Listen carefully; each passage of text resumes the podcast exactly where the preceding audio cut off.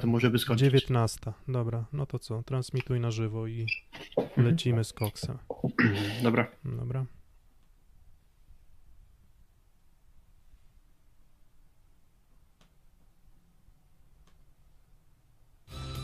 Siatkówka jest chyba naj, najbardziej zespołowym z zespołowych z zespołów. Szósty set. Witajcie. Jak w tytule naszego dzisiejszego live'a, Plus Liga nabiera rumieńców. Nabiera rumieńców y, na boisku i nabiera rumieńców również y, poza boiskiem. Mm, Co się wydarzyło? O tym przejdziemy zaraz, no ale najpierw się przywitajmy. Piotr Złoch z Warszawy. Um, Z Rzeszowa, Tak, a w Rzeszowie. z Rzeszowie Rzeszowa Filip Korfanty, cześć. Tak, dzisiaj nie, ma, dzisiaj nie ma z nami Kuby Lewandowskiego. Inne obowiązki go przetrzymały, ale postaramy się razem z Filipem streścić. E, Tematów dużo, więc myślę, że we dwójkę będziemy mogli mieć trochę więcej posiadania mikrofonu, co wiadomo, że zawsze trochę łechce, ego, no bo czyje opinie są najlepsze, jak nie nasze własne, prawda? Um, no, i, no dokładnie, więc e, mm, do rzeczy. Mm, Luke Reynolds e, zwolniony z posady trenera Jastrzębskiego Węgla. Jest to drugi trener zwolniony w tym sezonie Plus Ligi.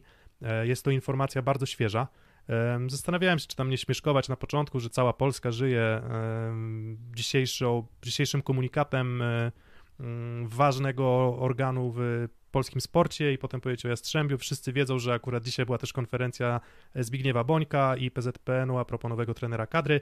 My piłkę nożną zostawimy ekspertom, natomiast e, zwolnienie Luka Reynoldsa mm, trochę zaskakujące, w sensie nie zaskakujące, dlatego że mało kto przed sezonem przewidywał, że Luke Reynolds y, straci pracę, bo obserwując nawet naszego jasnowidza plus ligi, ten konkurs, gdzie ludzie się wypowiadali na temat tego, co oni uważają, który trener może jako pierwszy zostać zwolniony, no to co piąty użytkownik, około 19% i to jest był najwyższy wynik, wskazywało właśnie Reynoldsa. No i mamy zwolnienie Reynoldsa jako drugiego trenera, ale jeżeli ja miałbym oceniać, czy to jest decyzja w porządku, fair, na podstawie tego, jak na boisku prezentowało się Jastrzębie, jak wygląda ich sytuacja w tabeli, to moim zdaniem absolutnie nie. Mhm. E, Dużo wątków było takich już teraz poruszonych przez ciebie, do których chciałem się podpiąć, ale pierwszy jest taki, że e, wróciłem dzisiaj z pracy po godzinie 16 i zacząłem układać sobie w głowie właśnie zwolnienie Luka Reynoldsa, przy czym dowiedziałem się, że mamy nowego selekcjonera reprezentacji Polski. Na tyle mnie to zwolnienie Reynoldsa przejęło, że poznałem imię, nazwisko tego selekcjonera, natomiast na tyle się piłką interesuje, że nie mam pojęcia, kim ten człowiek jest. No właśnie, no ale to, to akurat my tego, tej, rozwiązanie tej zagadki, kim jest Paulo Sousa, zostawmy może em, tym, którzy faktycznie nagrywają i sporo materiałów i, i podcastów jest e, i różnych live'ów też. e, Ludzi, którzy są mocniej sytuowani w piłce nożnej, więc właśnie Reynolds. Filip No właśnie. Reynolds. Do, doszedłeś też potem do Jasnowidza.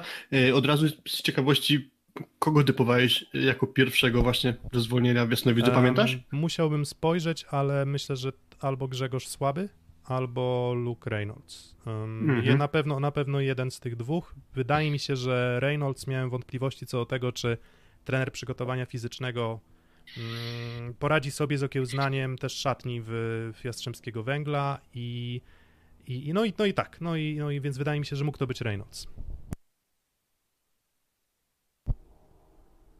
Okej, mi się właśnie wydaje, że też chyba postawiłem na Reynoldsa, chociaż stuprocentowej pewności nie mam.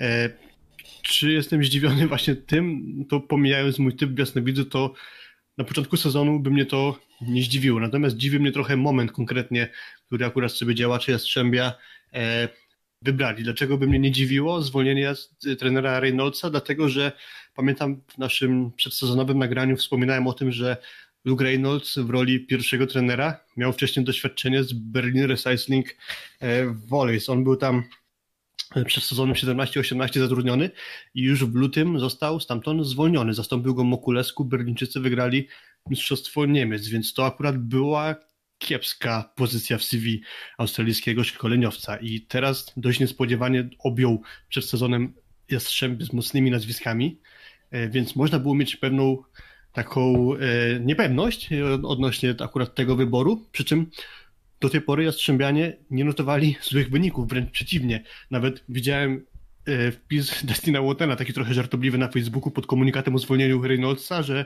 czy wy goście jesteście aktualnie na drugim miejscu w tabeli.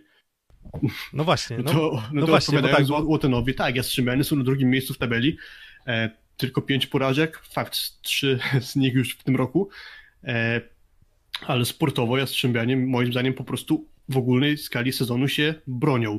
No tak, no spójrzmy na tabelę. Mm, Zaksa absolutny lider. Mm, nie ma, nikt nie ma startu do Zaksy, po prostu. Porażki z Zaksą Jastrzębskiego Węgla można niejako wkalkulować. I tak Jastrzębski Węgiel był jedną z tych drużyn, które postawiły się z Zaksie relatywnie mocno. Akurat, tak, więc uważam, że to były mecze dość dobre i tutaj akurat nie, nie szukałbym jakichś problemów czysto sportowych. Mm, wypadł mu Fornal przez sporą część sezonu, więc musiał kleić Luati Szymura. Luati gra źle. Akurat co do tego chyba też my, jakiś ten wątek Luatiego pewnie się pojawi, natomiast on co do zasady gra źle, natomiast gra dokładnie tak jak grał w lidze włoskiej, więc to też jest paradoks, że, że w sumie widziały gały co brały. Um, drugie miejsce w tym momencie w tabeli, 40 punktów, um, dwa punkty przewagi nad Treflem, ale Trefli jeden mecz więcej, więc w zasadzie bez, bo jakby szansa na to, że Jastrzębski Węgiel to drugie miejsce utrzyma duże. Dalej Werwa 35 punktów, więc już 5 punktów Werwa musiałaby odrobić w siedmiu spotkaniach. Możliwe, niemożliwe, pewnie musiałem spojrzeć w terminarz. Natomiast no, praktycznie nie ma szansy na to, żeby Jastrzębski Węgiel wypadł poza, albo bardzo niewielka jest szansa na to, żeby Jastrzębski Węgiel wypadł poza czołową czwórkę. Awansowali, do, awansowali do ćwierćfinału Pucharu Polski. Um, są rozstawieni w tym Pucharze Polski. I moim zdaniem, czysto sportowo, Reynolds wyciągał z, te, z tej drużyny dużo. W sensie nie mam poczucia, że Jastrzębski Węgiel miał jakiś niebywale większy potencjał, bo przez większość sezonu grał po prostu bardzo dobrze i tak jak mówię, no był problem na przykład z Fornalem. Można wskazywać Al-Haddadiego, który, mm, który też może nie zawsze spełnia e, wymagania, nie zawsze spełnia oczekiwania, natomiast e, ułożył to moim zdaniem dobrze i trochę, za, trochę mam problem ze zrozumieniem tego, dlaczego akurat teraz no i jeżeli zwolniony, to dlaczego? Jakby jakie są powody? Sportowo mhm. nie widzę tych powodów. Jeszcze y, przechodząc myślami przez ścieżkę Reynoldsa w Jastrzębiu, no to przypomina się kontuzja Tomasza Fornala, bo to też jest jedna z takich y, aspektów, y, y, które mogą gdzieś tam poniekąd działać na jego korzyść, że nie miał do niego e, że tak powiem, pełnego dostępu, skorzystania z niego właśnie w grze. Oprócz tego niedawna kontuzja Łukasza Wiśniewskiego, E, teraz zdaje się, że wypadł Michał Szalacha, więc trochę tam problemów się takich e, trochę przeszkadzających w pełnieniu pracy pojawiło, ale już mniejsza z tym, nawet pomimo braku tych zawodników Jastrzębianie uważam, że po prostu sportowo się bronili. Fakt, ten kryzys, tak można chyba powiedzieć, no bo to chyba dobre słowo do przegranych trzech meczów w pięciu ostatnich, no ale i tak to dla mnie jest za wcześnie, więc jakby sportowo Piotrek myślę, że spełniłeś e, e, rolę dobrego recenzenta, tak mi się wydaje. Poszedłbym tutaj w kierunku już Znaczy innym, nawet wiesz, no bo... kryzys, kryzys, nie kryzys, no czy można kryzysem nazwać, no nie wiem, zwycięstwo 3 do 0 dość pewne ze Skrą na przykład, wiesz, bo to mm, jeszcze przejdziemy do tego meczu wczorajszego z Indykpolem a ZSM Olsztyn, natomiast e, no właśnie, to tak właśnie, to też pytanie, pytanie do ciebie, pytanie do słuchaczy. Jastrzębski Węgiel przegrywa wczoraj 3 do 1, ale dwa sety gra na przewagi i w sumie jest bardzo blisko tego, żeby ten mecz wygrać 3 do 1. To co, wygrywa Jastrzębski Węgiel 3 do 1 i trener Reynolds jest świetnym trenerem i jest do końca sezonu? No bo coś, coś mi tu nie gra, no to wiesz, no a wiesz, jakby jeżeli podejmujemy decyzję na podstawie tego, że we względnie wyrównanym wczorajszym meczu z najlepszym Indykpolem AZS-em Olsztyn w tym sezonie, zdecydowanie, nie ma, nie ma, nawet nie ma o czym mówić, oglądam wszystkie mecze AZS-u, więc wiem, um, no to, no to jak? No to, to, jak, to jak to jest? No to jak to jest, drodzy, drodzy zadałeś sobie, zadałeś sobie to pytanie odnośnie Reynoldsa, co by było, gdyby Olsztyn wczoraj jednak przegrał, a nie wygrał, czyli Jastrzębianie wyszliby zwycięsko. Czy to by zmieniło postrzeganie trenera Reynoldsa jako nadającego się już do zwolnienia, czy nie? Wiesz co, przygotowałem sobie, bo to też jakby na temat innej, dyskusji, ale przygotowałem sobie cytat, który gdzieś tam od dawna mam zapisany z Julio Velasco, to trochę długi, ale, ale, ale fajnie mi tutaj pasuje. Mm, co, co definiuje dobrego trenera według właśnie Velasco, czyli umiejętność rozwiązywania problemów jego zespołu. Chodzi o sytuacje boiskowe, jak i chemię w drużynie. Rozwiązywanie konfliktów graczy lub zespołu jako całości. Czasami uda się rozwiązać problem ośmiu zespołów, ale dwóch innych się nie uda, ale to nie znaczy, że nie jesteś dobry. Może po prostu byłeś blisko rozwiązania, e, blisko znalezienia rozwiązania i idziesz do innej drużyny i wygrywasz. Najlepsi lekarze tracą swoich pacjentów, ale to nie znaczy, że są źli, więc tutaj akurat nie sądzę, że kwestia jednego meczu, czyli akurat przegrania z Olsztynem, przynajmniej chcę wierzyć, że tak nie było, bo to byłoby no już totalnie, maksymalnie pochopne, gdyby ten jeden mecz akurat zaważył. No ale jakby idąc dalej w ten cytat z Velasco, no to tu właśnie dochodzimy do tej sprawy, co mogło zaważyć o zwolnieniu Reynoldsa. Chociażby sprawa z Lukasem Campą, czyli zaczęły wyciekać jakieś tam plotki, że zatrudnienie na przyszły sezon Benatu Nuttiego sprawiło, że z Lukasem Campą zaczęło dziać się coś niedobrego. Y, faktem jest to, że stracił opaskę kapitana. Być może Luke Reynolds nie za bardzo potrafił zapanować nad atmosferą, nad team spirit w Jastrzębskim Węglu. Jeżeli tak było, jeżeli na linii trener-zawodnicy nie było dobrego porozumienia, to to jest dla mnie jedyny przypadek, że słuszna była decyzja o zwolnieniu Reynoldsa, bo wiadomo, w takich sytuacjach łatwiej zwolnić jedną osobę, czyli trenera, aniżeli wymienić zespół. No, niemal niemożliwe w, w trakcie trwania sezonu. No tak, no wiesz co, trochę zabawne by było, jakby się okazało, że wiesz, że, że to Newty taką świnię podłożył Jastrzębskiemu.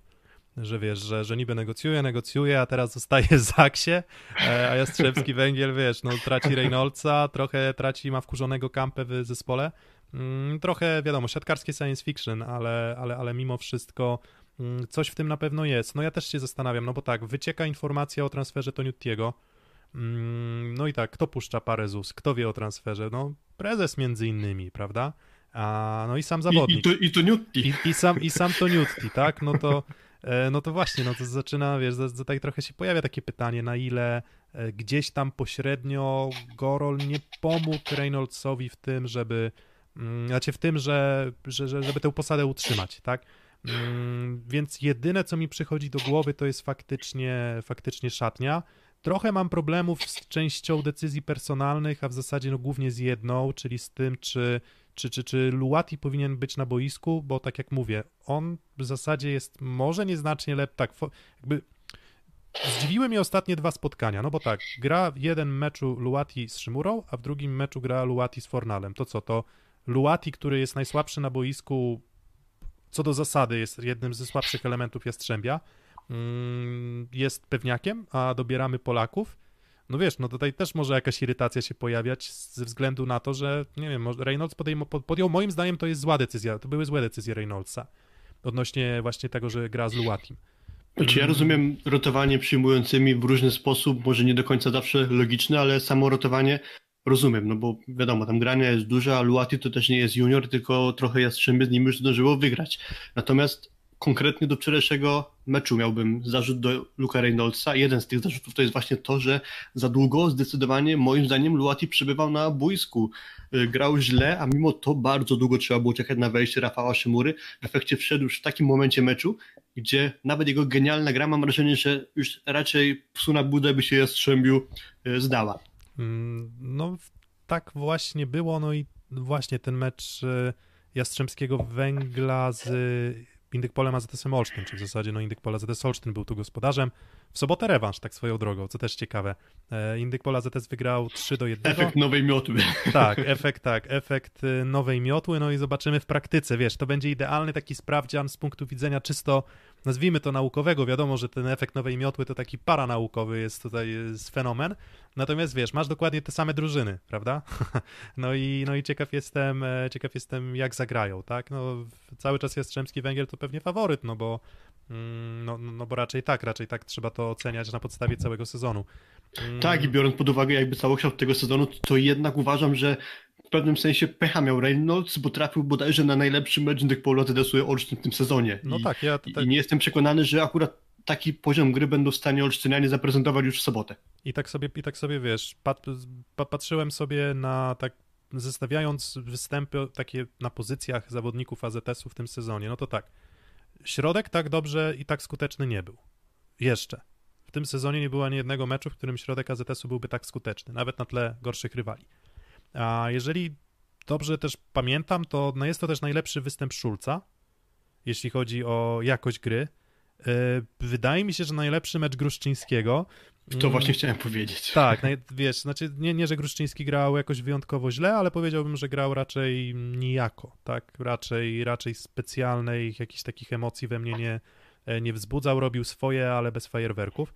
No i nagle wiesz, no masz bardzo dobry mecz gra Stępień, I wiesz, no jest na czym budować ten, te, te, te, ten poziom sportowy, tak? I mm, no i właśnie, no i to jeżeli znowu wracamy do tego, jeżeli decyzja zapadła na podstawie tego meczu, no a został zwolniony po meczu, a nie, no nie wiem, przed meczem, no to trochę zaczynam się zastanawiać, bo wiesz, który to jest, to jest chyba piąty czy piąty lub szósty trener Jastrzębskiego Węgla w ostatnich kilku latach, prawda?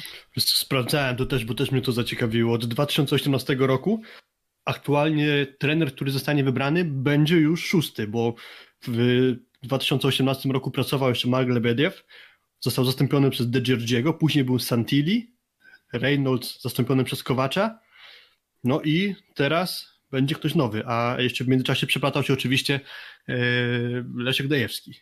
Hmm. Czyli Lebediew, De Giorgi, Santilli, Reynolds, e, Kowacz, no i ktoś szósty teraz. Mm, no i właśnie, jest to wszystko dość, dość zaskakujące. E, Wiesz, a propos tego, co powiedziałeś o tym meczu Olsztyna, no to jeszcze cofnijmy się lekko w nie wiem ile dokładnie kolejek, chyba dwie czy trzy kolejki temu, czy tam mecze temu i porażka Jastrzębia w Nysie, przy czym to też Nysa trafiła trochę na, znaczy przepraszam, Jastrzębie trafiło na, na genialny mecz Bentary, to też jest trochę w pewnym sensie pech Luka Reynoldsa. Tak, no jest, wiesz co, jest to pech Luka Reynoldsa, ja uważam, że akurat z Nysą Jastrzębie grało gorzej niż, e, niż wczoraj.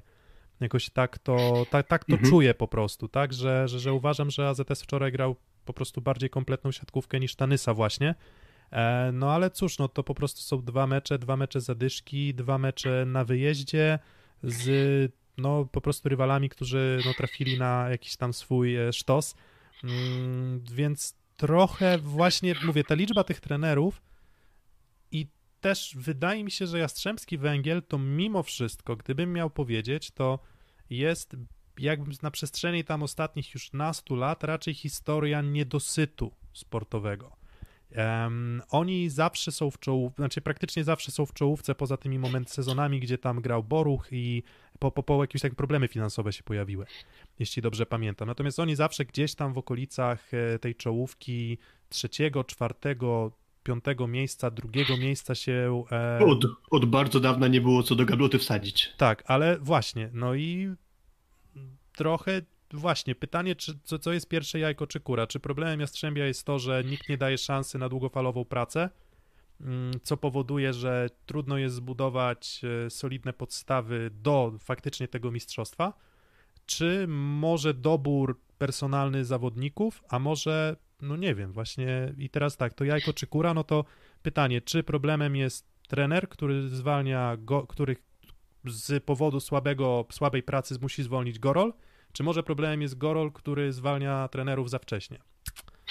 Ja raczej szedłbym w tym drugim kierunku, albo może nie tyle, że zwalnia trenerów wcześnie, co nie pozwala im wystarczająco, znaczy, przepraszam, co po prostu nie wybieranie tych, co trzeba. E, chociaż patrząc po nazwiskach, jakie przewijały się przez Jastrzębie, no to raczej trudno mieć jakieś duże zastrzeżenia, bo chociażby Ferdinando de Giorgi broni się znakomicie Kucinę Luba aktualny, no więc to nie broń, jest tak, że obronił się, on, po, się w on po pracy w mm, reprezentacji Polski, która no, bardzo złą e, renomę mu przysporzyła w Polsce, no to jednak w Lubę się broni znakomicie, więc tak, no i... czy to De Giorgi, czy Santilli, czy nawet Slobodan Kowacz przecież dobrą pracę robił. No i też, i też zwróćmy uwagę, że jak De Giorgi zbudował trzon Zaksy, to ten trzon zostaje przez 5 lat, co tak. trzeba mu oddać, prawda? Mhm. Zatorski to Newty, no i tam nagle mówimy, czy Dero jest tym genialnym graczem? Super, Dero grał świetnie, wchodzi Śliwka, gra świetnie, chodzi Semeniu, gra świetnie, no to pytanie właśnie, czy, czy, czy to, kto tu jest najmocniejszym elementem zespołu, no ale... Um, Wiesz co, powiem, też sobie sprawdziłem dru drugą rzecz z kolei, no to w ostatnich mniej więcej 10 latach, czy lekko nawet więcej, no to najdłużej pracującym trenerem w Jastrzębiu był Mark Lebiediew, który, który był od 2015 do 2018 tak, roku. I a, uważam, że to był całkiem niezły czas w historii, no bo zaczynał z dość niskiej pozycji, niskiego pułapu, powiedzmy, zasobów finansowych, tak to można chyba streścić, no bo ta drużyna była dość egzotyczna jak na Jastrzębski Węgiel, a przecież ściągnięcie chociażby Oliwy, no to to był okres, myślę, że całkiem dobry w Jastrzębiu. No tak, a pamiętasz historię zwolnienia Lebediewa? W zasadzie, e, tak, że, tak, że, że, że, że, w, zasadzie, w zasadzie wyglądało to tak, że on zrobił wynik ponad stan, a potem przestał robić wynik ponad stan i został zwolniony. Podobnie z Oliwą, który zagrał genialnie, po czym padł trochę ofiarą swojej bardzo dobrej gry sezon dokładnie, wcześniej. Dokładnie. Mm, no dobra, no to teraz jeszcze pytanie nazwiska na rynku transferowym, które tak, kojarzysz, które potencjalnie mogłyby... czata i już od razu na początku gdzieś pojawiło się pytanie właśnie, kogo widzimy ewentualnie jako następcę australijskiego szkoleniowca. To jedna z rzeczy też, która mnie już dzisiaj zdążyła zastanowić i oprócz kilku nazwisk Polaków oczywistych, no bo obstawiam, że można z marszu strzelić Piotr Gruszka, Dariusz Daszkiewicz. Mariusz Od niedawna jest, od niedawna jest Robert Prygiel też na karuzeli trenerskiej do wzięcia, ale nie sądzę akurat, żeby Mariusz Sordel. trenera Prygla. Co powiedziałeś Piotrek, bo nie zrozumiałem? Mariusz Sordel. Tak, wiesz co, Mariusz Sordel też przyszedł mi do głowy, natomiast z tego, co zdążyłem się zorientować, to, to w temacie Mariusza Sordyla raczej nic konkretnego się nie dzieje w kontekście jego zatrudnienia w Jastrzębskim Węglu, więc nie, ale to sądzę, wiesz, że nie będzie rzucamy, to Mariusz Sordyl. Znaczy wiesz, rzucamy nazwiskami po prostu, tak? A, nie, oczywiście, więc... a ja od razu jakby prze, prze, staram się przemycić informację, że raczej nie będzie to Mariusz okay, jasne, Sordyl. Jasne, dobra, zagranica, no to co, George Kretu, Mark Lebiediew na przykład, Roberto Santilli już nie, bo w Korei. Mm, Roberto Santilli nie, bo pracuje w Korei, e, to tak... Yy idąc dalej, powiedziałeś, Mark Lebiediew, nie sądzę, żeby był powrót do zwolnionego kiedyś szkoleniowca. No wiesz, Raczej... no tam różne, różne historie związków są, czasem też ludzie do siebie wracają, prawda? Po no, Roberto Santilli wrócił do Jastrzębskiego Węgla no po iluś tam sezonach, ale to wtedy już chyba się był ten etap, gdzie Jastrzębie przeszło zmianę władzy, czyli tak, jakby... Tak, tak, tak, tak właśnie było. Tak a, a ten, a y, z innych szkoleniowców ja już dzisiaj na Twitterze rzuciłem nazwisko Fabio Soli, włoski trener 41-letni, który wydaje mi się, że robił dobrą pracę w ostatnich sezonach we Włoszech. E, pracował w Ravennie, w Monzie, czyli takich trochę e, drużynach, e, które mocno stawiają, można powiedzieć, na młodzież, na rozwijanie nieoczywistych zawodników i myślę, że robił dobrą robotę z tymi klubami, a z, chociażby z Ravenną w 2018 roku wygrał Puchary Challenge. Sporo ciekawych nazwisk tam się przewinęło przez jego drużyny, też takich nieoczywistych którzy gdzieś tam robił, można powiedzieć, krok naprzód w swojej karierze. Najbardziej znane nazwiska dla mnie Donovan Jaworonok i Olek Płotnicki, który teraz już chociażby wylądował pod skrzydłami Witala e, Heinena. A... Czyli młodzi, młodzi zdolni, tak? Co, no właśnie, tylko że no, czy to jest taka charakterystyka, jak masz, wiesz, w składzie, nie wiem, no, Kampę, Guadyra, Al-Hagdadiego, wiesz, no ale no ale tak, no, no tak, tak, to nie jest jakby mm, koronny argument oczywiście, no ale, właśnie, Andrea ale Gardini jeszcze na czacie. A, Proszę? Jeszcze Andrea Gardini na czacie się pojawia jako. No tak, no i właśnie chciałem już powoli, oprócz e, Soliego, zmierzać powoli właśnie ku Andrei e, Gardiniemu. Powiem Ci, że znalazłem ciekawostkę. Andrea Gardini e, przed sezonem 14-15 według La Gazzetta dello Sport negocjował ze Strzemskim Węglem. Wtedy trenerem był Roberto Piazza, Gardini był przymierzany na jego asystenta, więc widać, że gdzieś tam linie telefoniczne między Jastrzębiem a Gardzinim kiedyś zostały przetarte i, i powiem ci, że nazwisko Fabio Soliego mnie by nie zdziwiło i po cichu może nawet bym kibicował za zatrudnieniem tego szkoleniowca, ale gdybym miał wskazać, kto będzie nowym trenerem Jastrzębia, to największe szanse daje właśnie, że będzie to Andrea Gardini. Mm, no to by pasowało do takiej sympatii do zagranicznych szkoleniowców e, w Jastrzębskim Węglu pamiętasz ostatniego polskiego szkoleniowca? Mm. No Daj właśnie. mi chwilę. Priłożny prawie, priłożny prawie jak Polak, co już wtedy było? Znaczy właśnie, bo, tak, idę, idę po kolei, doszedłem do prilożnego, a wcześniej... Hmm. Hmm, no, no, nie właśnie. pamiętam. No to, no to zagadka też dla, dla, dla naszych widzów, y, słuchaczy. E, no bo czy... pomijając oczywiście Dejewskiego, nie? No to... Tak, no właśnie, no właśnie takiego pełnoprawnego Przed trenera, który... był Bernardi, Piazza...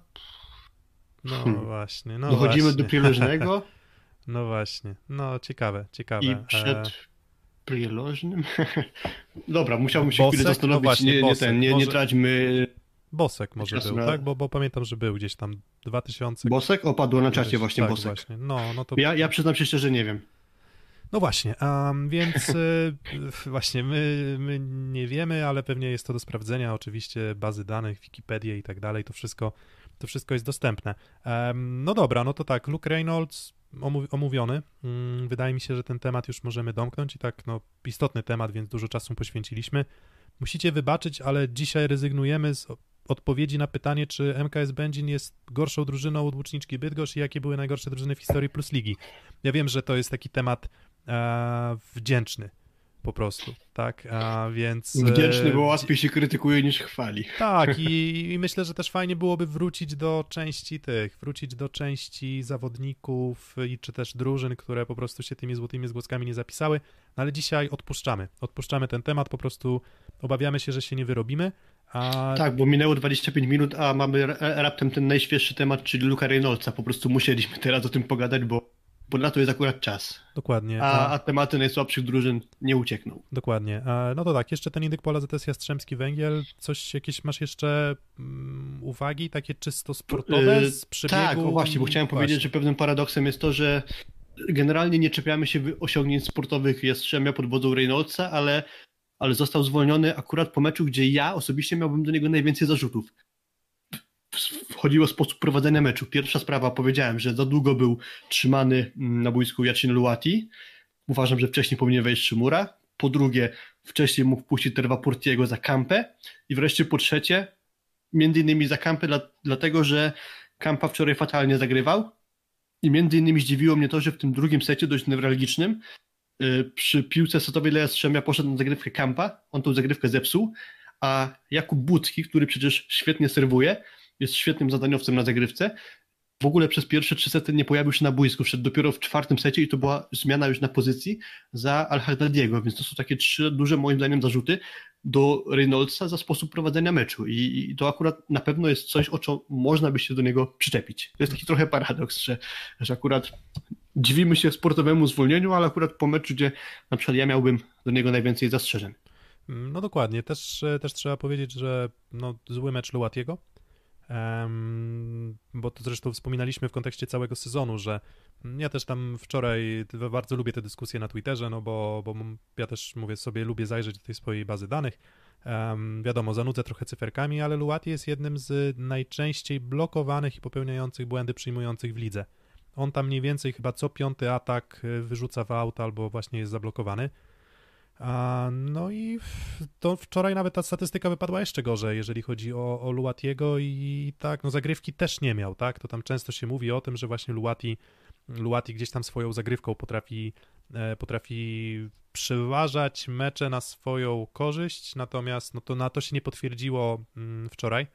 Mm, no i właśnie taka, taka powolna reakcja, tak? E, trochę to wszystko było za, za wolne, natomiast cało, jako całokształt uważam, że Jastrzębski Węgiel nie zagrał fatalnego meczu poza czwartym setem. Mm, uważam, że i pierwszy, i drugi, i trzeci set były setami przyzwoitymi.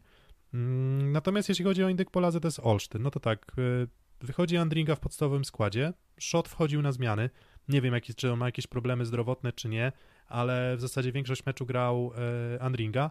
Mm, no i ustabilizował grę, tak? Ja lubię Andringę, jakby bardzo uważam, że jakby bardzo go lubię jako człowieka. Mam, mam, mam wrażenie, że to jest taki bardzo pozytywny element y, drużyny. Mm, no i on wczoraj swoje zadanie zrobił, no i na przykład zaserwował asa na Popiwczaku. Popiwczak popełnia jeden błąd w meczu i popełnia go w sytuacji, w której e, piłkę setową przy grze na przewagi ma, ma indyk pola ZS Olsztyn, więc e, mm, cieszę się, że taki zawodnik jest tym trzecim przyjmującym, bo wydaje mi się, że to jest przyzwoicie obsadzona pozycja e, trzeciego przyjmującego, tak na naszą ligę. Myślę, że głównym problemem tutaj jest akurat regularność. Gdyby i Andringa, i Szot grali, czy i, i Żaliński, bo to też akurat zawód trochę dla mnie, no to gdyby oni wszyscy grali regularnie na poziomie takim, jakim potrafią, no to AZS byłby znacznie wyżej, a można powiedzieć, że to jest przyzwoicie faktycznie obsadzona pozycja, tylko brakuje tej regularności, która moim zdaniem decyduje o tym, że e, e, Olsztynianie akurat zawodzą na dystansie tego sezonu. Tak, no i jeszcze tutaj istotne... A to nawet nie tyczy się tylko przyjmujących, bo, bo czy to no, rozgrywający grają generalnie dość słabo, no ale choćby Damian Schulz potrafi zagrać mecze, gdzie przesądzi o wygranej innych polu, no ale też sporo spotkań gra po, po prostu słabo. Tak, właśnie... I tak samo jest nawet na środku. No, generalnie jedna wielka e, sinusoida. Tak, jedna wielka sinusoida. Um, właśnie w ogóle też zwróciłem uwagę taki jeden niuans techniczny. Zwróciłeś uwagę, że dość często i dość skutecznie Stępień wykorzystywał teriomienkę w takim e, ataku środkiem z tyłu. Nie wiem, czy mhm. tego, tego wcześniej nie było za dużo, e, jeżeli dobrze kojarzę, więc e, fajnie, że w warunkach meczowych udało się wprowadzić element, który myślę, że teriomience pomógł i na pewno też utrudnił środkowym Jastrzębia grę. Mm, no bo Teriomienko zakończył mecz z, z, no, z wysoką skutecznością, jak na siebie to nawet w tym sezonie wyjątkową, no i też Mateusz Poręba, tak, co, no, co też warto zwrócić uwagę, hmm, chyba wygrał rywalizację już teraz, bo to już kolejny mecz, w którym Poręba gra hmm, zamiast Koncepcjona, i ja osobiście mu kibicuję. Trochę byłem zaskoczony tym, że on relatywnie niedużo szans dostawał w tym sezonie, natomiast w ten mecz e, myślę, że też na pewno może sobie zaliczyć na, na plusik.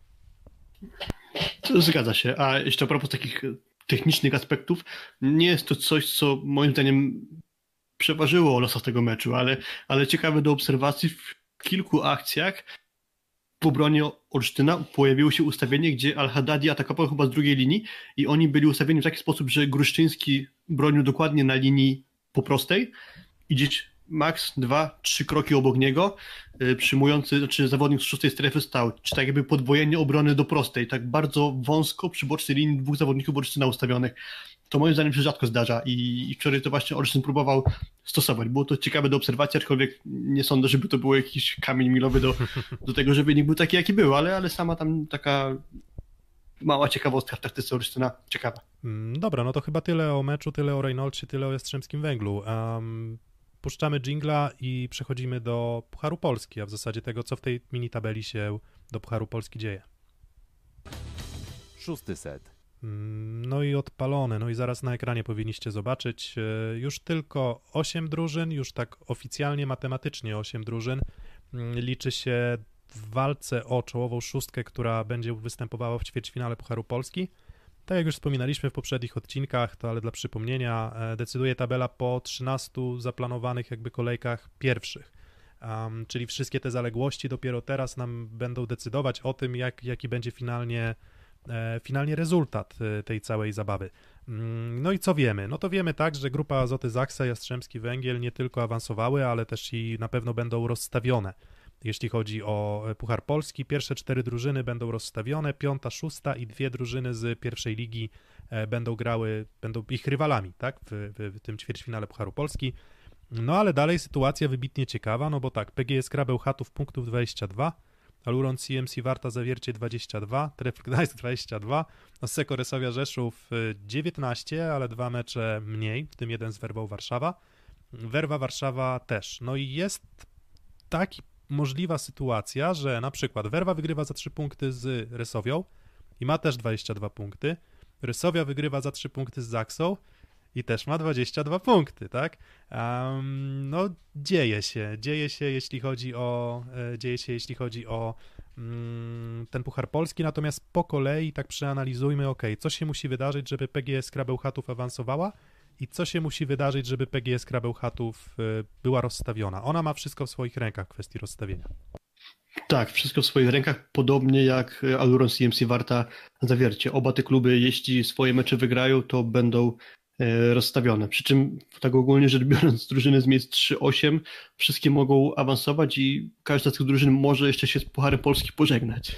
Tak, dokładnie. To Ślepsk nawet teoretycznie chyba być rozstawiony, tak? Musieliby mieć 23 punkty. Trefl Gdańsk musiałby przegrać z Olsztynem za 3, Zawiercie musiałoby przegrać właśnie z Suwałkami. No to wtedy tak, to wtedy y, Suwałki wygrywa, zdobywając 6 punktów, Suwałki będą rozstawione. Pucharze Tak, 23 punkty. 23 punkty, Skra wtedy 22, Zawiercie 22. Tref przegrywa z Olsztynem dalej 22. Tak, dokładnie. No i Resowia, zakładając, że przegra z Zaksą za 3 punkty, no to wtedy też maksymalnie 22 punkty. No to w zasadzie Suwałki też.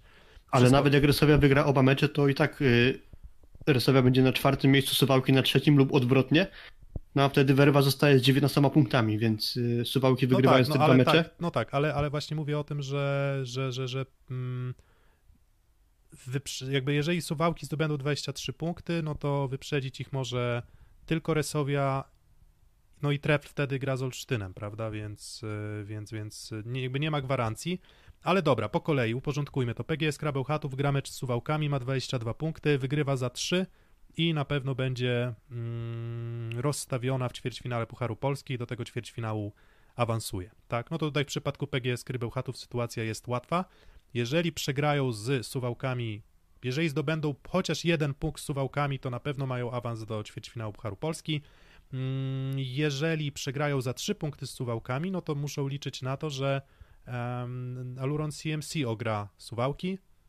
No i, i właśnie, czy jak Skra zdobędzie, czy jak Skra przegra za 3 punkty, to może wypaść. Chyba może, prawda? W zawiercie wygra z Suwałkami, Treb wygra z Olsztynem, Resowia wygra dwa mecze. Tak, więc, I tak więc, więc ten jeden punkt jest aktualny dla PGS Kry. Tak. E, Trzy punkty i mają gwarancję bycia rozstawionym. To samo się tyczy zresztą zawiercia, prawda? Mm, tak, no bo tu tyle samo wygranych, tyle samo punktów mają obie ekipy. Dokładnie, tam tylko różnica jednego seta e, wygranego więcej na korzyść e, PGS Kry. Zawiercie też gra z Suwałkami, więc mówię, punkt daje awans zawierciu do Pucharu Polski, a trzy punkty dają zawierciu na pewno mm, utrzymanie tej pozycji czwartej i um, no i jakby rozstawienie, tak, więc szansa na to, że po pierwsze no omijasz Zaksę, a po drugie masz też jakąś tam nieśmiałą szansę 50% na to, że trafisz na e, drużynę e, pierwszo, pierwszoligową, prawda? Mm, Dalej, Trefl Gdańsk gra z Indykpolem, a ZSM Olsztyn i to jest dokładnie to samo, prawda? Czyli 22 punkty, 7 wygranych. tak, 22 punkty, 7 wygranych, zdobywają punkt i są w mm, tak to działa? Znaczy, No, y, nie do końca chyba. nie, nie, nie. Znaczy to chciałem powiedzieć, że to, co się wydarzyło wczoraj w Katowicach, czyli porażka e, Trefla e, 3 do 1 sprawia, że stracili oni jakby moc tego, że jeśli wygrają swoje spotkanie nawet za 3 punkty, to nie mają gwarancji rozstawienia.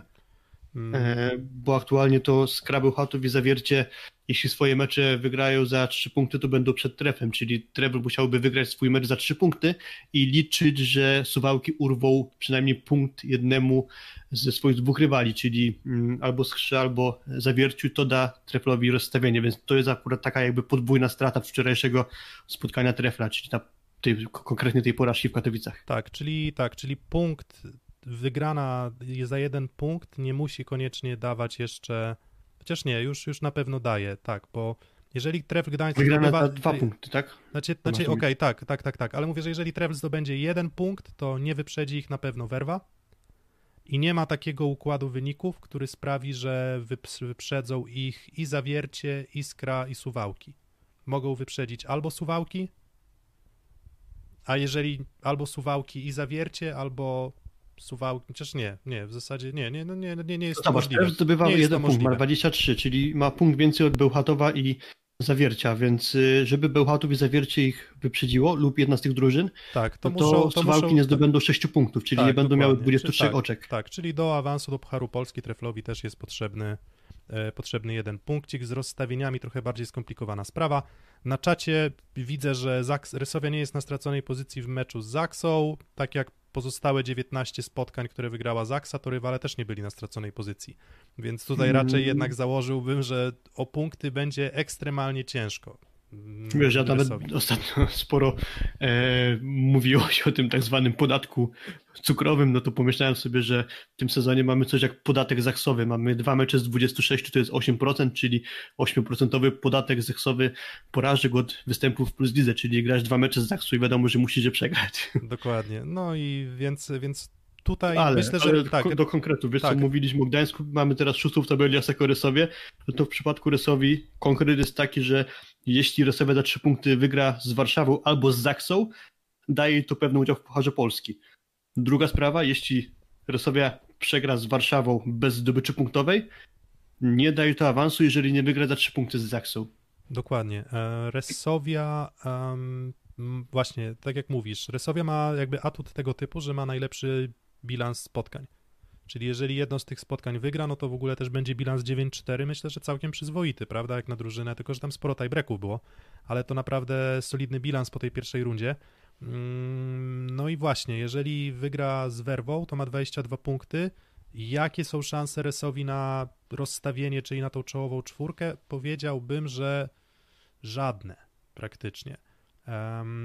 No musieliby ugrać punkty na Zaksie i wtedy jasne jest to, jest wtedy, wtedy to jest warunek konieczny. Resowia musi zdobyć jakiekolwiek punkty na Zaksie, żeby w ogóle liczyć się z szansą na czołową czwórkę. W No to przeciwnym... wiesz co, powiem Ci, bo doszedłem do jednej też y, jakby sprawy, która nas tutaj czeka, mianowicie to, że od 26 stycznia Skra w 9 dni zagra 5 meczów. I te dwa ostatnie mecze to będą właśnie z Rysowią. Okej. Skra 26, 7 i 8 stycznia gra, przepraszam, Zaksa gra y, 26, 7, 8 stycznia ze Skrą, Fenerbahce i Lindemann z Alps Mistrzów. 31 z Rysowią, 3 lutego z Rysowią, czyli Zaksa może być po prostu wyczerpana i będzie miała ten komfort, że żadnego z tych dwóch meczów z Rysowią tak naprawdę nie będzie musiała wygrać, bo niczego to w jej przypadku tak naprawdę nie zmienia. No ja stawiam na to, że zmiennicy pograją w Lidze Mistrzów i z tym zmęczeniem będzie nieźle.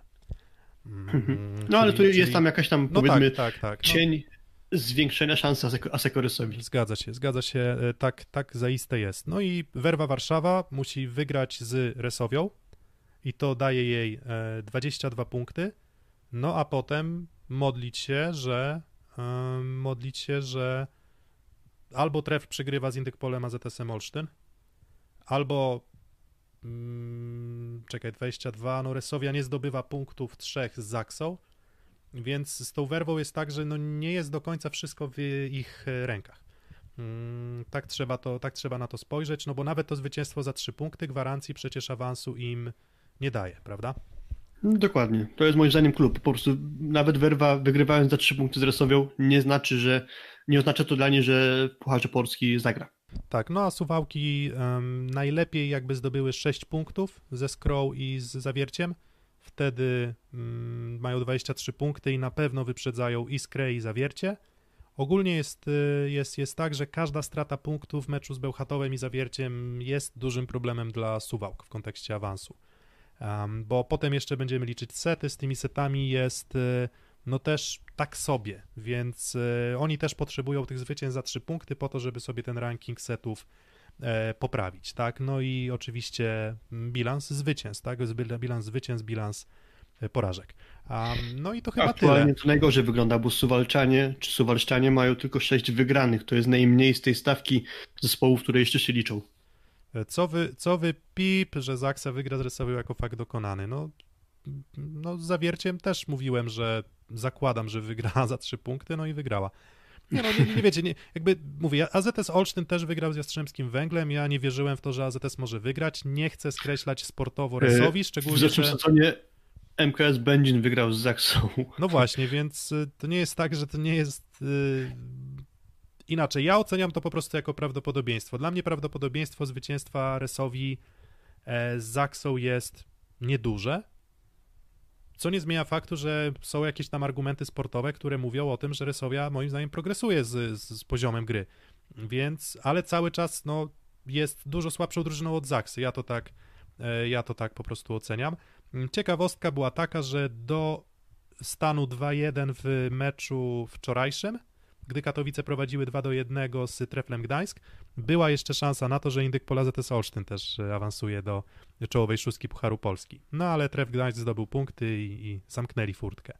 E, to tam jakby ktoś chciał sprawdzić, to no matematycznie było to możliwe, w praktyce nie bardzo, no i mm, no i dla mnie szansa Indyk Polu AZS-u Olsztyn była taka na awans do Pucharu Polski, może nieco mniejsza niż szansa na to, że Resowia na przykład wygra za trzy punkty z Zaksą, ale odszczekam. No, jak, coś to, jak coś to odszczekam na Twitterze, możecie się spodziewać, że, że, że napiszę, że, że nie wierzyłem, no ale po prostu wyszło na, na wasze. Dobra, tyle o... Tak, ty, No, ale, no, jeszcze- nie, okej, to tylko chciałem powiedzieć, że właśnie kluczowy moim zdaniem nie będzie ten bardziej z Warszawą.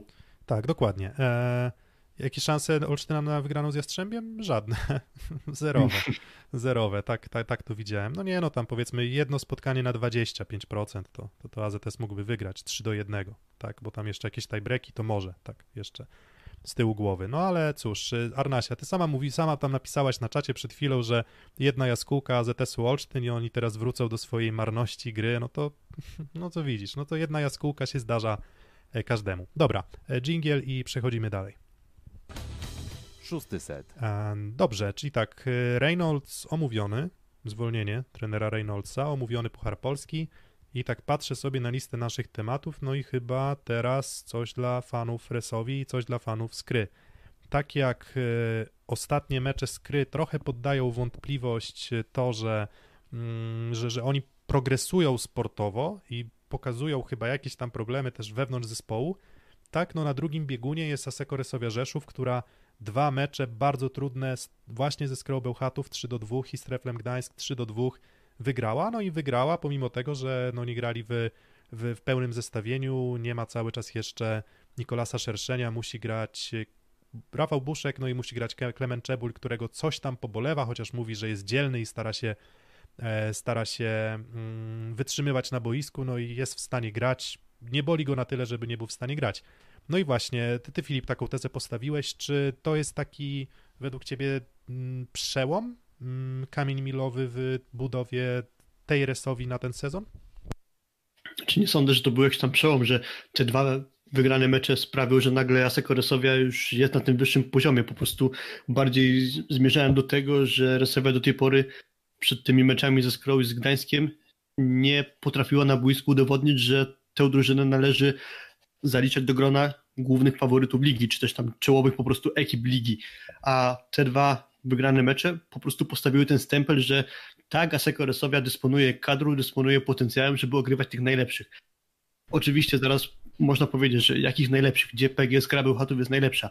No ale jednak szczególnie PGS Krabełchatów aż tak słaba bądź co bądź nie jest, a bardziej tu argument w meczu z Treflem Gdańsk, bo uważam, że Gdańszczanie postawili Resowi bardzo trudne warunki i Resowa jednak ten opór potrafiła przełamać i te właśnie dwie wygrane moim zdaniem już są tym stemplem właśnie, tak, że szczególnie, jest w gronie faworytów Aseko Resowia. Tak, no szczególnie, że w, w w ostatnich dniach, no tak jak mówiłeś o tej skrze, no to skra stała się przedmiotem dość mocnej szydery.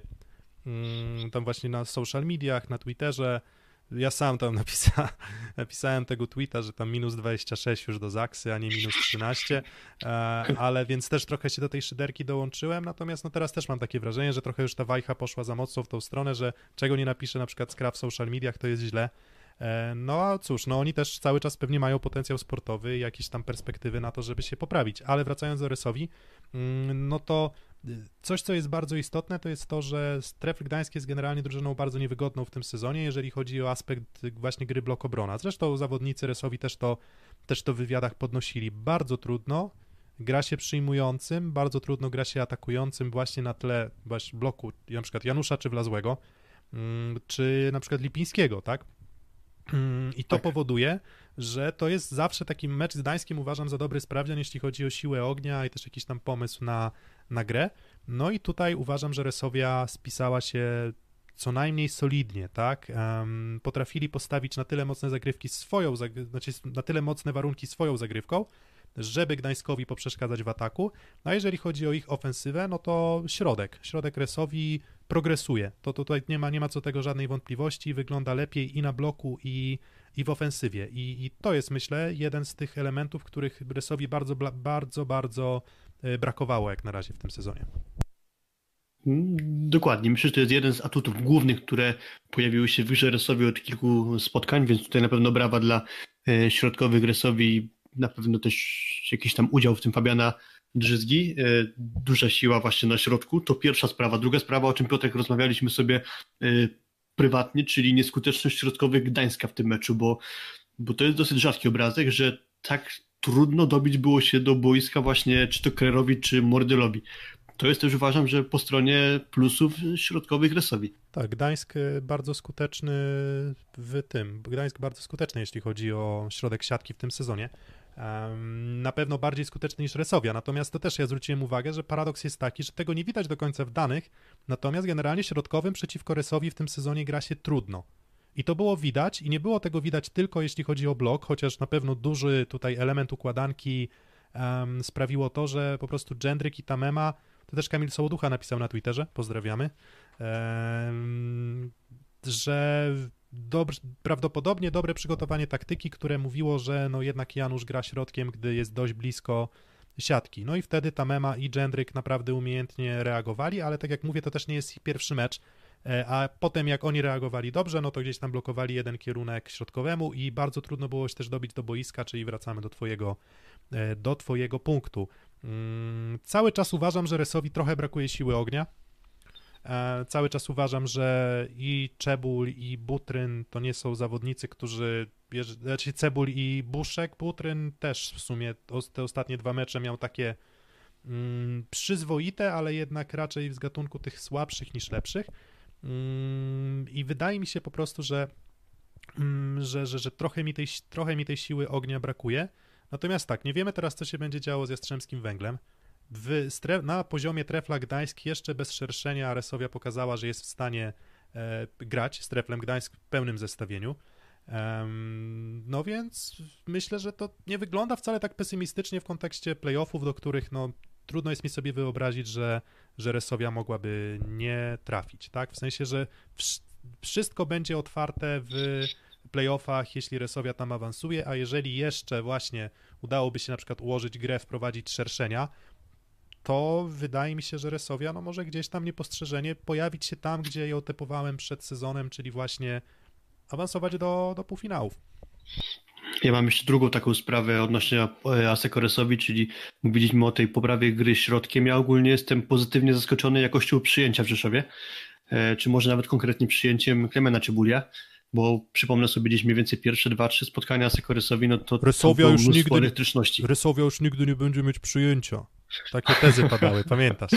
Że, już, że już koniec, wiesz, po pierwszym meczu już było, że nie, to nie, ta drużyna nie ma przyjęcia, już nigdy nie będzie musi, mieć przyjęcia. Musi biegać Fabian Żyzga. Tak, no i, no i trochę, trochę biega, ale nie, ale więcej, więcej nie biega. Potera też myślę, że dorósł do, do butów.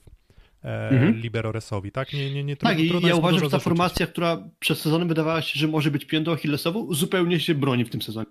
No właśnie, no i to widać też, że to było po pierwszym meczu z Jastrzębiem, więc udało się to ustabilizować, więc mam, czym... mam lekki problem właśnie jeszcze też pytanie, że do ciebie, bo Szerszeń wejdzie i na pewno jest w stanie, to jest trochę kasus Sandera w skrze.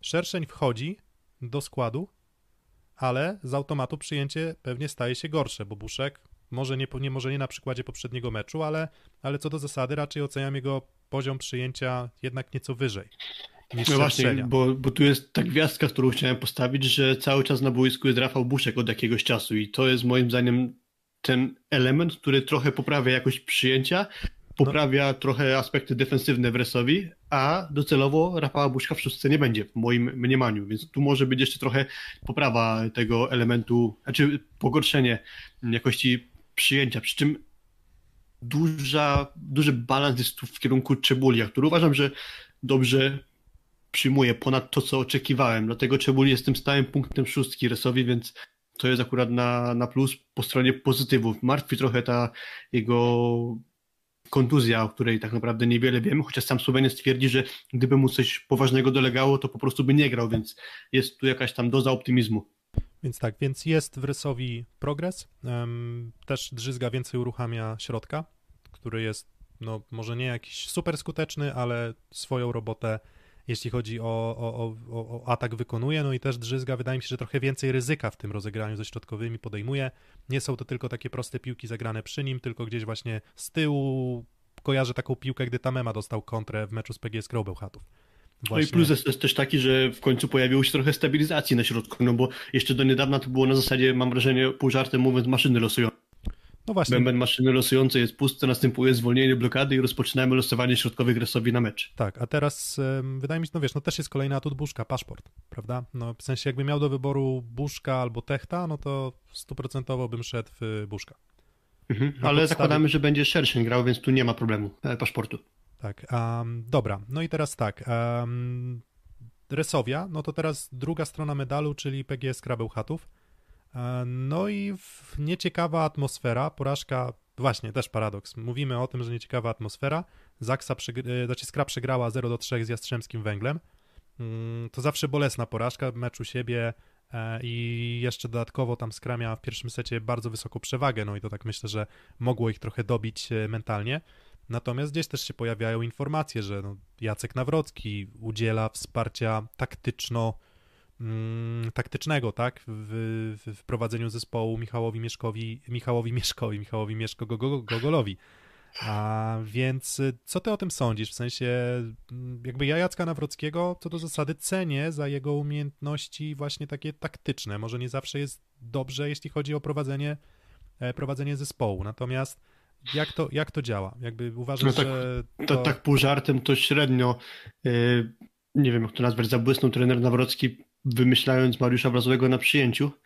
No, E, Tak, ale wiesz, no, ale, ale to tak pół żartem oczywiście, to już nie ma co do tego e, wracać, tylko hmm, znaczy nie mam takiego przekonania, że akurat e, walory taktyczne są atutem Jacka Nawrockiego, to nie mam po prostu twardego argumentu, że tak jest. Jeśli tak uważasz, to, to na pewno gdzieś masz jakieś argumenty, Nie, nie, więc okej, tak, więc tak, tu nie tak, będę ja- tego podważał. ja uważam, znaczy wiesz co, po prostu taką opinię słyszałem.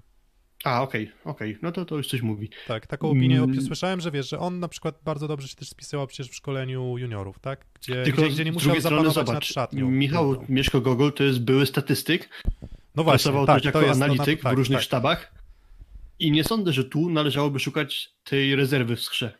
Właśnie na to, na to chciałem zwrócić uwagę, nie, tak, nie że, trochę. tak że, że mówiliśmy o tym, że nie do końca czujemy te czasy Michała Mieszko-Gogola, mm, ale no, analitykiem jest świetnym. Mm, No to właśnie, no to jeżeli analitykiem jest świetnym, no to powinien umieć wyciągnąć wnioski, które pomogą jego drużynie w poprawie gry. Albo przynajmniej zdiagnozować je na tyle, żeby trochę nad nimi pracować, no bo to też nie, nie, nie zawsze jest tak, że jesteś w stanie wszystko skorygować jako trener. Natomiast czysto sportowo, jakbyś miał wskazać problemy PGS Krybełchatów. Mm, bo, bo To kilka... rozegra, na pewno rozegranie, na pewno jakość przyjęcia, na pewno mm, słabsza niż można było oczekiwać dyspozycja Badipura. E, no to chyba tak z takich No właśnie, ogólnych no to- rzeczy no to tak, tyle. no to- no to Poza teraz- tym, że inne elementy po prostu nie zachwycają. No to wiesz, no to teraz tak, no, to, no, to, no to teraz po kolei. Przyjęcie mm, solidne ligowe, tak bym powiedział. Mm, Sprawdzałem nawet z ciekawości, czy jak Sander dołączył do drużyny, to czy nagle się to przyjęcie drastycznie popsuło. Okazuje się, że nie, tak?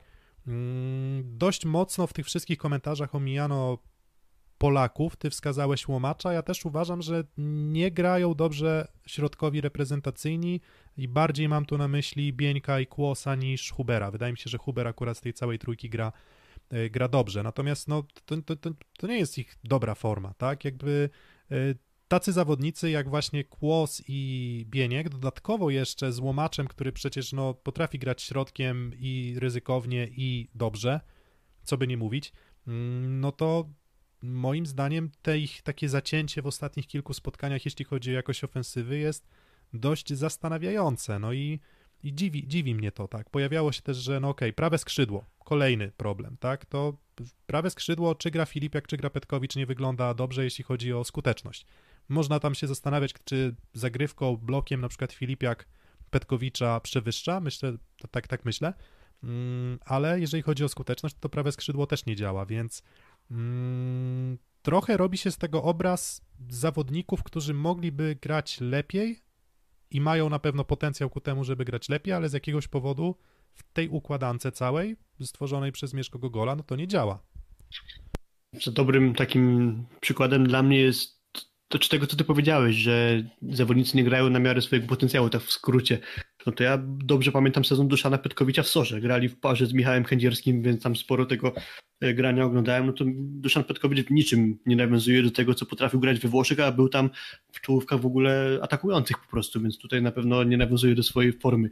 No i Bartosz Filipiak też uważam, że nie gra tego, co potrafił grać w Gdańsku, przy czym zastanawiam się, na ile ile wpływu na jego dyspozycję miała ta kontuzja, którą niedawno przeszedł. No ale ogólnie tak, Tak. jest to jeden z problemów skry. I, I jeszcze, jeszcze jeden, y, bo tak, bo tak mówimy o problemach, problemach, no akurat Eba Dipura chyba bym aż tak mocno nie wskazywał, mm, bo wydaje mi się, że on w miarę swoją robotę robi, natomiast zagrywka i to jest też, myślę, clue, bo Skra ma problem nawet nie tyle ze swoją własną skutecznością, bo w sumie Sander gra nieźle, Eba Dipur gra nieźle, atakujący, jak powiedzmy działa cała drużyna, to też przyzwoicie, tak? W sensie nie świetnie, no ale przyzwoicie.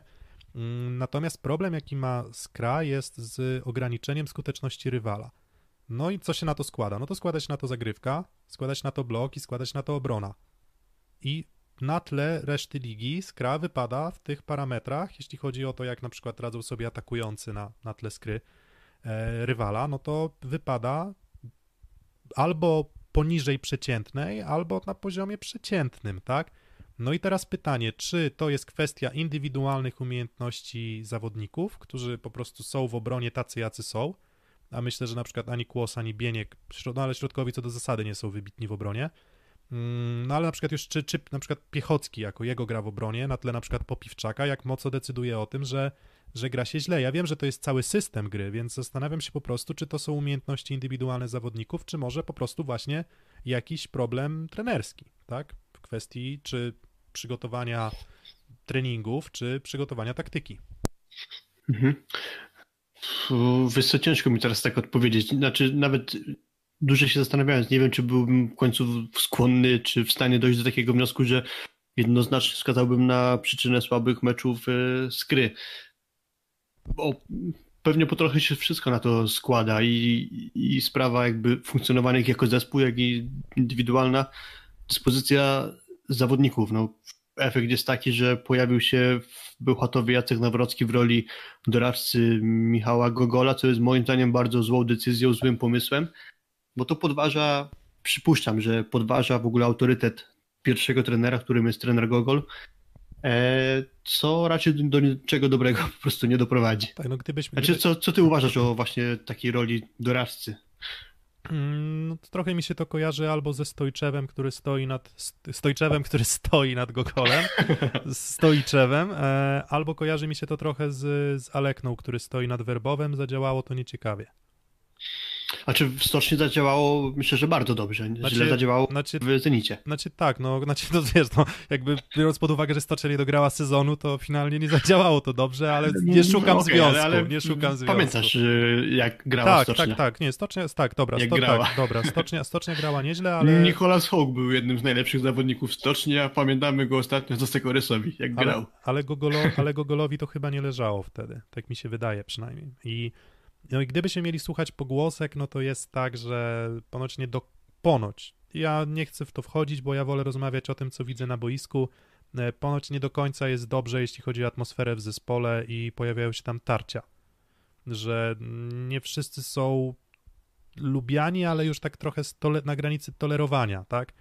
Mm, no i to też jest na pewno jakiś problem i widzisz, i tak podsumowując całą naszą dyskusję, jakbyśmy mogli wskazać jeden problem z gry, to byśmy, wiesz, to by było świetnie, a problemów z gry jest dużo.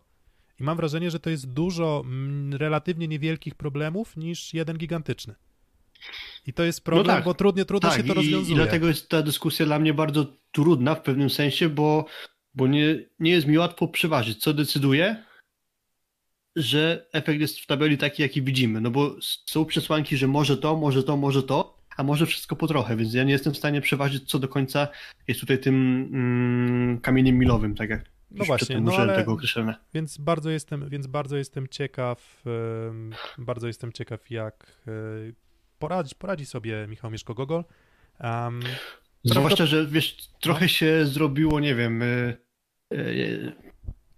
takie kamieniowanie, machanie cepem w tle po Michała Gogola. Próbowałem sobie właśnie wrócić do początku jego e, pracy w roli pierwszego mm, trenera, no to Michał Gogol objął mm, Espadon w grudniu 2016 roku po Milanie Simojlowiciu i myślę, że tam się swoimi e, działaniami po prostu obronił, bo jak e, Simojlowicz został zwolniony, tam Espadon wtedy jeszcze Szczecin miał trzy wygrane na 13 meczów, no to Gogol wygrał 6 meczów z 14, obejmując zespół w takim, no można powiedzieć, dołku. W kolejnym sezonie myślę, że dość e, kiepski kadrowo jest Padon, dość spokojnie zajął bezpieczną lokatę w tabeli. Później przyszła już e, Stocznia Szczecin, gdzie wyniki uważam, że robił na miarę potencjału zespołu, czyli dużego potencjału. Y, fakt, że tu jest właśnie tak kolejna gdzieś tam gwiazdka przeze mnie postawiona, że tam był też Radostin Stojczek w roli dyrektora sportowego. Więc tu też ciężko jednoznacznie powiedzieć, że dobra gra jest podobny Szczecin, zupełnie nowego tworu, zlepku gdzieś tam zawodników z różnych, y, w cudzysłowie, parafii pościąganych, że to jest tylko na konto Michała Gogola, możliwe, że dużą rolę tam odegrał Radostin Stojcze, więc to nie jest tak, że cała dotychczasowa kariera trenerska Michała Gogola to jest jedna wielka e, czarna rozpacz.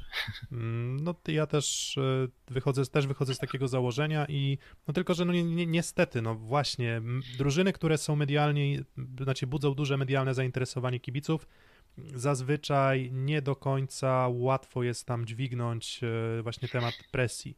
Temat no widzisz, co się stało z Piotrem Gruszką, tak który tak miał dobrą renomę po pracy w GKS-ie Katowice, a teraz nagle jest trenerem, który raczej tak zwanej opinii publicznej myślę, że ma dość e, niską e, ocenę. Dobra, no to co? No to Chociażby. Tyle, dobra, to tyle o PGS Krze. A, a, tylko jeszcze nawiążę do tego, nie, co Nie, już nie możesz, przedtem, już koniec, koniec, koniec. Do tego, co koniec, Julio Velasco właśnie koniec, tam powiedział, koniec. że e, czasami nawet najlepsi lekarze tracą swoich pacjentów. Także gdzieś mimo, że dobrze szło Gogolowi do tej pory, to akurat w strzemu nie poszło, co nie znaczy, że nagle powinien pomyśleć, że kariera trenerska nie dla mnie. Jeszcze bym Michała Gogola nie, nie skreślał. No zdecydowanie, tak. Jak to czasem bywa, trochę taka kariera korporacyjna, jak to mówiłem już tam w poprzednim odcinku, że młody wilczek, tak. Myślę, że jeszcze może się odbudować. Wiesz, De Giorgi też w Jastrzębiu fatalnie wypadł, a teraz robi Dobra, puszczam dżingiel. Nie, nie, Dobra, nie dość, koniec, sorry. Dobra, koniec. Szósty set. Dobra, GKS Katowice teraz. Pięć ostatnich spotkań, dwa punkty na 15, rywale bardzo trudni, ale też dość nieciekawy poziom gry. Ym, mm, No i tak, miałem taką tezę przed tym meczem z Gdańskiem, że no gdy, znaczy ja też zakładałem, że Katowicom będzie trudno punkty z Gdańskiem. Nie uważam, żeby to był bardzo dobry mecz też Gdańska wczorajszy, e, ale no zdobyli te punkty, więc trochę to moją tezę zaburza, natomiast no jednak okazuje się, że na tle mocniejszych rywali, no ta siatkówka, którą grał GKS, y, no nie, nie wystarcza, po prostu. Nie wystarcza, jeśli chodzi o skuteczność, nie wystarcza, jeśli chodzi o jakość y, skrzydeł, chyba przede wszystkim. Mm, No i zastanawiam się też, jakie tutaj są przyczyny. Czy to jest przyczyna po prostu jakiegoś do, dołka formy e, skrzydłowych, czy może mm, postawy Jana Firleja, który ostatnio chyba właśnie kilka spotkań zbyt dobrych nie miał, no bo dlaczego tak myślę? No, jeżeli wychodzi w podstawowym składzie Nowosielski, a Firle jest normalnie do gry, no to nie mówię, że Nowosielski źle występował, bo on grał fajne mecze w tym sezonie, gdy grał, ale no, mimo było, nie było, Firley był do tej pory dość nietykalny w zespole.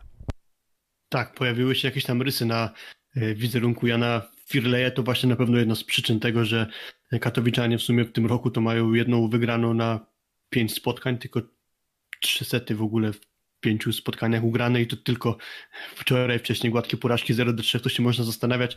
Mówię to pół żartem oczywiście, dlaczego trener słaby dalej pracuje, a Luke Reynolds jeszcze nie, ale to, to, to No. nic istotnego, bo ja nie, nie uważam oczywiście, że trener słaby powinien się pożegnać z posadą, ale główna przyczyna uważam tej niedyspozycji ostatnich Katowician, pomijając wczorajszy mecz, to była właśnie, właśnie skuteczność e, skrzydłowych, czyli tam Kwasowski, mm, Buchowski, Jarosz. Złożyło się tak, że na większości dystansu tych spotkań grali po prostu słabo i to się złożyło tak, że wszyscy naraz, a oprócz tego od kilku spotkań niedysponowany właściwie nie może grać Jakub Szymański, który jeśli tam któryś z tych z tej dwójki Kwasowski-Buchowski nie mogli grać, no to wchodził Szymański, potrafił dać dobrą zmianę, zupełnie inaczej niż Sławomir Stolc, bo on chyba żadnej dobrej zmiany w tym sezonie jeszcze nie dał, więc tu może brakować trochę odejścia na tę niedyspozycję podstawowej pary.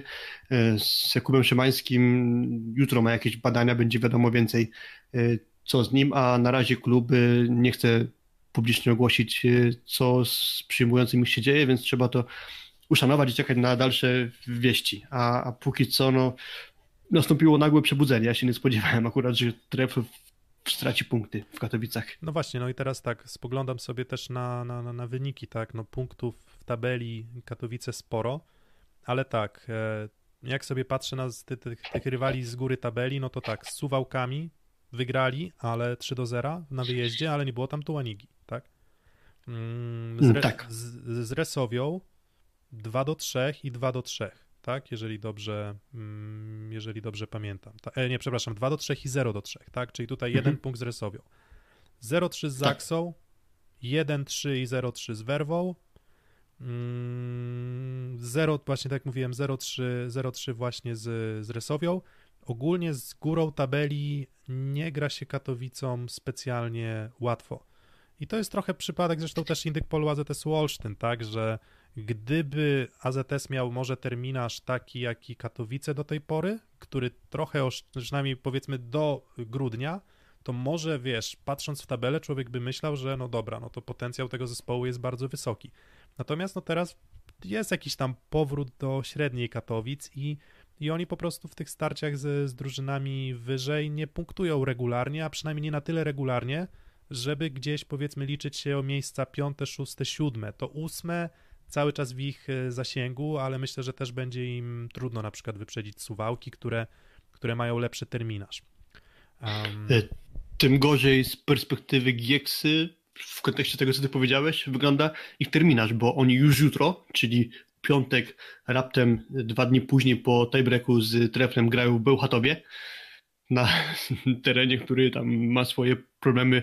Jeśli coś dobrego ma się w skrze zadziać, to pewnie należałoby się spodziewać, że już od jutra powinni Bełchatowianie zacząć. Dalej jest Jastrzębski Węgiel, Trefl na wyjeździe, u siebie Zaksa, więc w sumie z tych czterech spotkań można powiedzieć cztery trudne, a dotychczasowe wyniki właśnie z tą górą tabeli, no to optymistyczne po prostu nie były. Dopiero na sam koniec jest y, mecz u siebie z Olsztynem i na wyjeździe w Radomiu, więc kalendarz no nie rozpieszcza. Mm, dokładnie i więc tak, więc w zasadzie o pozycji Katowic w, na, na... Aha, jeszcze sorry, zapomniałem, muszę doprecyzować, jeszcze mecz z Olsztynem będzie.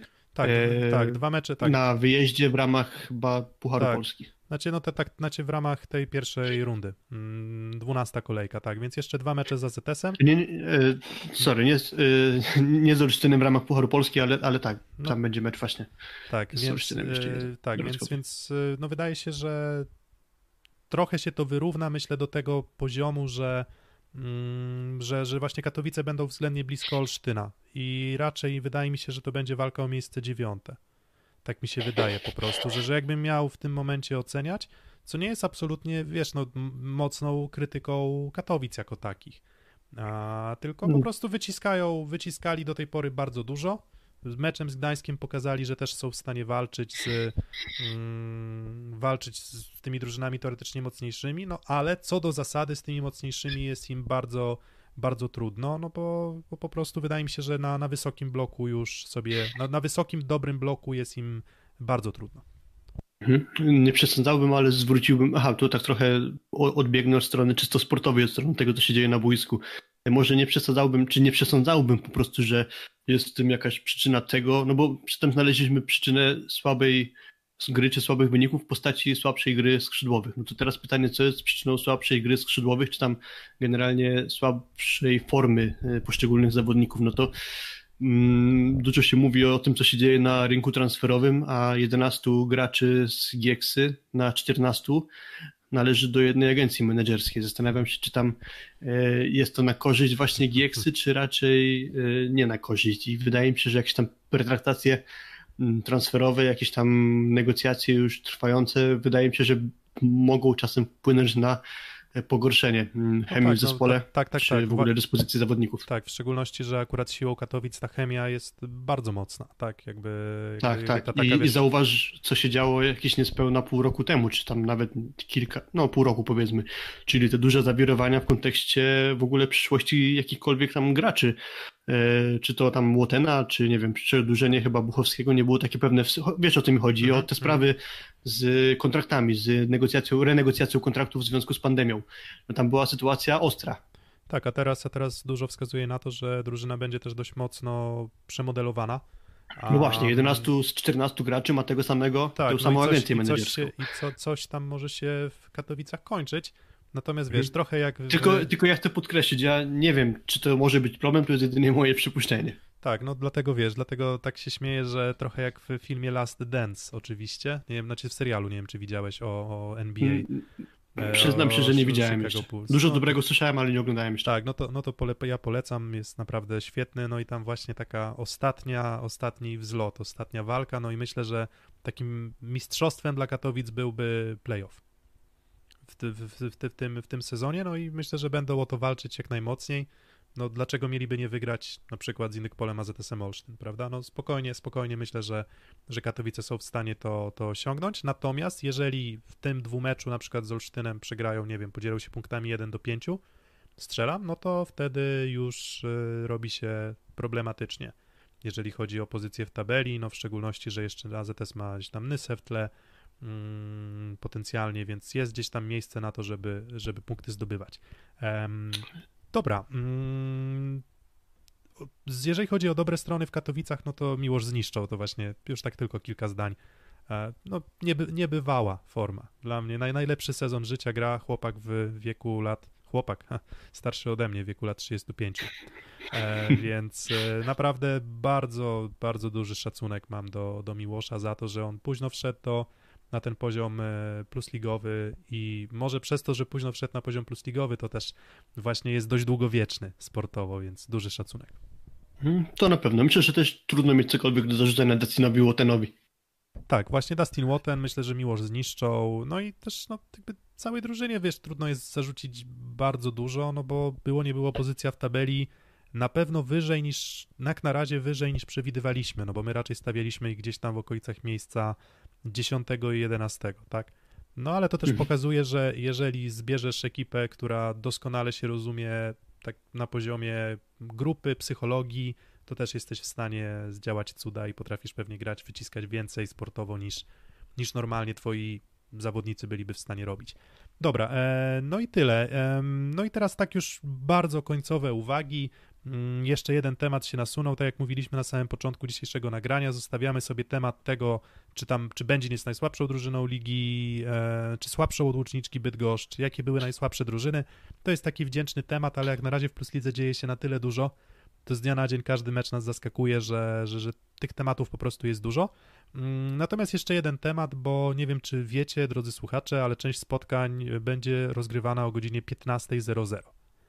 Mm, I kiedy. I może by to było ok, może by to nikogo nie dziwiło, gdyby nie fakt, że 15.00 w środku tygodnia. Zakładam, że większość ludzi pracuje jednak w godzinach 8.16 bądź 9.17, jeżeli chodzi o, o, o Warszawę.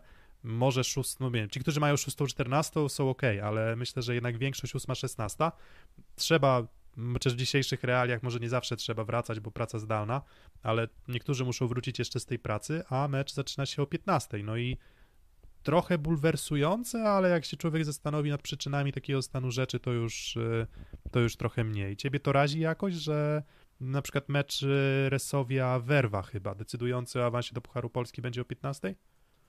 Y, razi mnie to, że będę wtedy w pracy jeszcze i tak na pierwszy rzut oka właśnie to jest taka niedogodność i sądzę, że do takiej sytuacji dochodzić nie powinno, ale jak już się zastanowić, wgryźć w szczegóły, że sytuacja jest taka, a nie inna, no to są to mecze, które odbędą się przed spotkaniami Ligi Mistrzów, które pewnie też warto transmitować, więc teraz tak, mamy sytuację epidemii, gdzie kibice na trybuny nie mogą wejść, jedyną opcją zobaczenia meczu jest transmisja telewizyjna.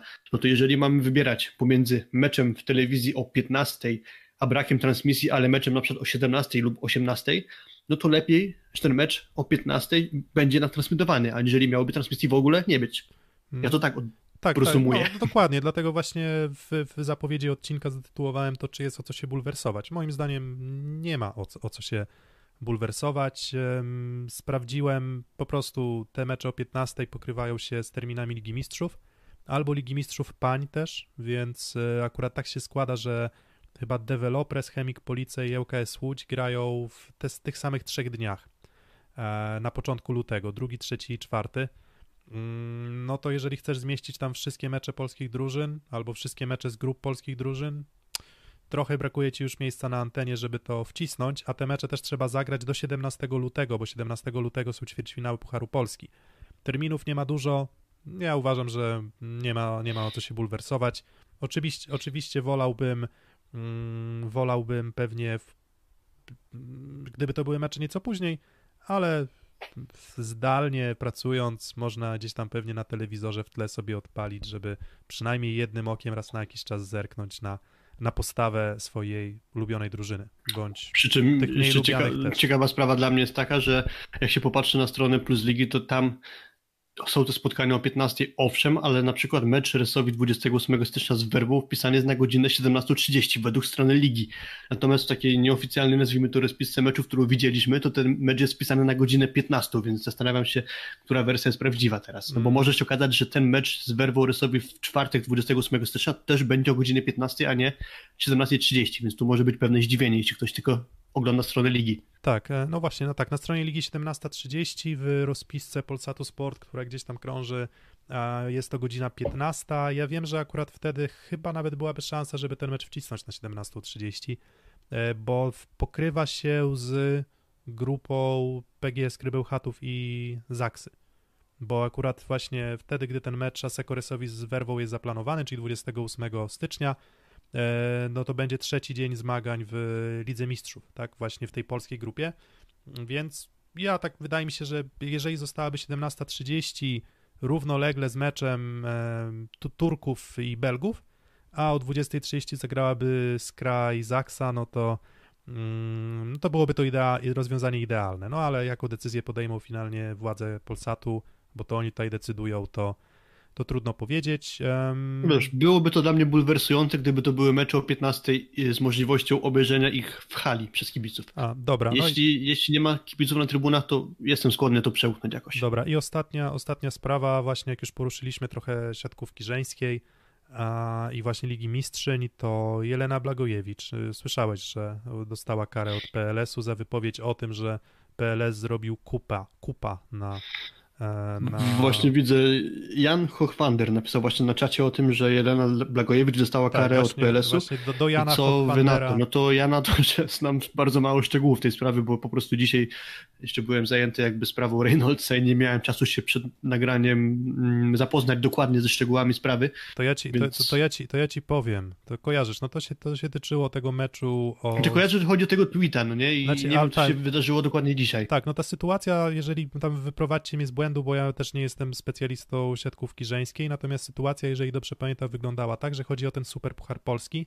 gdzie z powodu koronawirusa, który pojawił się w, mm, w drużynie Developresu, no Develop, nie mógł walczyć o Super Puchar Polski, no i wpis właśnie w tym oficjalnym komunikacie PLS-u, ha, ha, ha, ha, ha, Brawo dla was, państwo, zrobiliście kupę na nasza drużyna za całą naszą ciężką pracę ostatniego sezonu.